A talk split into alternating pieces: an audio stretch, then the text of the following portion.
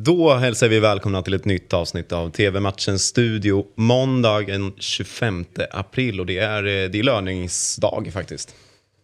Ja, det har du helt rätt i. Ja, 25 varje månad. Ja, trillar, ja. trillar in lite pengar. Ja, precis. Det beror på hur man jobbar och under vilka anställningsformer och så vidare. Precis. Men, eh, men jag förstår vad du menar. Ja, eh, och vi, kan ju, vi, vi trummar vidare med min, eh, den här listan jag hittade, hit, inte hittade på, min, min starka lista med mm. hetast möten. De, de vet jag, bockar av varandra nu, så att nu, nu är vi framme på andra plats. Ja. Malmö-Göteborg som spelas ikväll 19.00.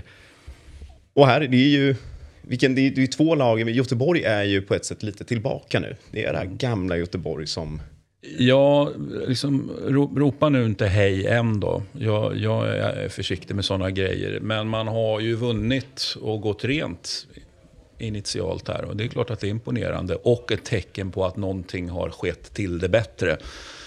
Är man tillbaka, beror på vad man menar med tillbaka såklart då. Men, men eh, se, man, man lever liksom lite grann på lånad tid. Eh, och då tänker jag på ja, men hur länge för en som är väldigt mycket key här är ju såklart Marcus Berg. Som vi gillar att prata om i TV-matchens studio. Eh, men ska han spela fem säsonger till? Nej, det ska han ju inte. Ska han spela fyra till? Ska han spela tre till? Ska han spela den här och sluta? Alltså, det finns ju ett slut Precis. på Marcus Berg.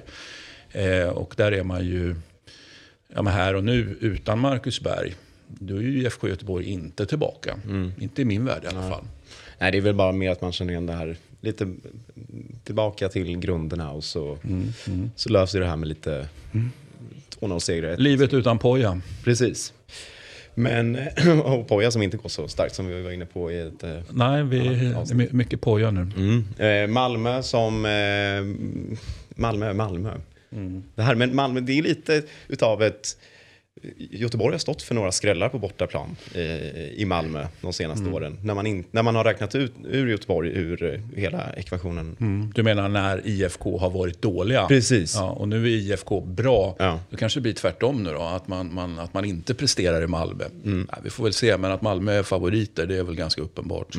Ja, jag kommer Eller ihåg- för mig uppenbart i Ja. alla fall. Och det, är ju, det, det, hänger ju på Marcus Berg där. Det var, det var likadant förra säsongen när, när Göteborg åkte till Malmö. Det var, det var Marcus Bergs match. Ja, nej, men eh, onekligen spännande eh, och- och- se vad han tar sig för. Mm. Det, blir, eh, det blir en duell mellan gubbarna Malmö och Göteborg. Det är väldigt hög, eh, hög snittålder i lagen. har jag inga problem med överhuvudtaget. Nej, nej, det ska man inte ha. Det är trevliga, trevliga män som ska spela fotboll. Vi, eh, vi flyttar fokus till eh, Sassuolo-Juventus som spelas 2045. Och Juventus ska ju fortsätta, de, de ska ju gå rent nu. Ja, det har ju vi från säker källa, det vill säga jag har ju, gått, jag har ju lovat det då och de börjar ju där då efter det löftet från min sida. Men eh, nu räknar jag iskallt med att man, att man dundrar på eh, någonstans. Det, det är ett intressant möte då. Eh, alltså, Juventus är per definition alltid intressant. Sassuolo är ju per definition intressant och ett projekt som jag har följt eh, som sagt var eh, noga de senaste säsongerna. Eh, och de har ju samarbetat eh, väldigt mycket. Alltså det finns ju ett utbyte av alltså spelare som, som Juventus är sugna på men som kanske inte riktigt har plats för i truppen just nu. Eh, och så dealar vi lite med Sassuolo och så går spelaren i fråga till Sassuolo och liksom blir parkerad där.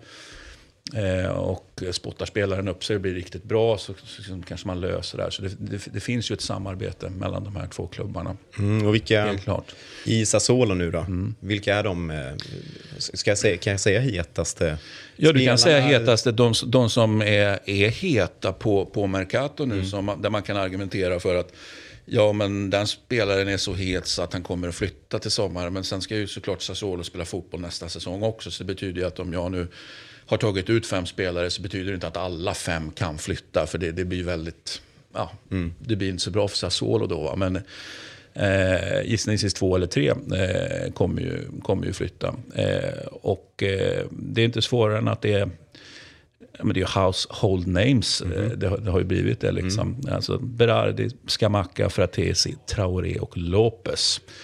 Tycker jag väl är de hetaste då. Och bara för att, så säga, bekräfta det här pratet tidigare om samarbete. Traoré är ju en sån spelare där man har haft ett samarbete mm.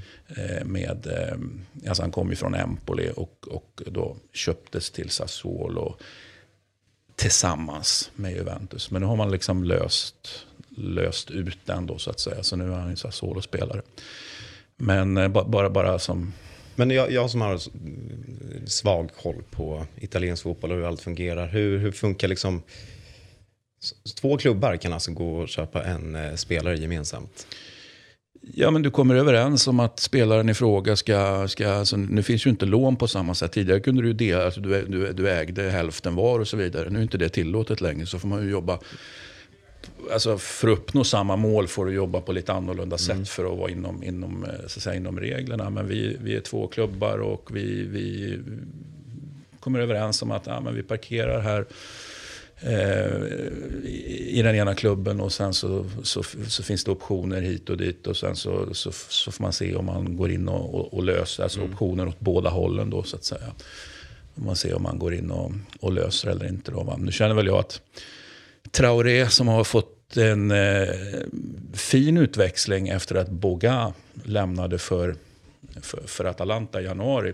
Eh, så har ju Traoré flugit, verkligen. Mm. Varit hur fin som helst. Och eh, be, någonstans beviset på hur viktigt det är för en del spelare att få känna sig som självklar på den positionen. Men det, ja, det här är min...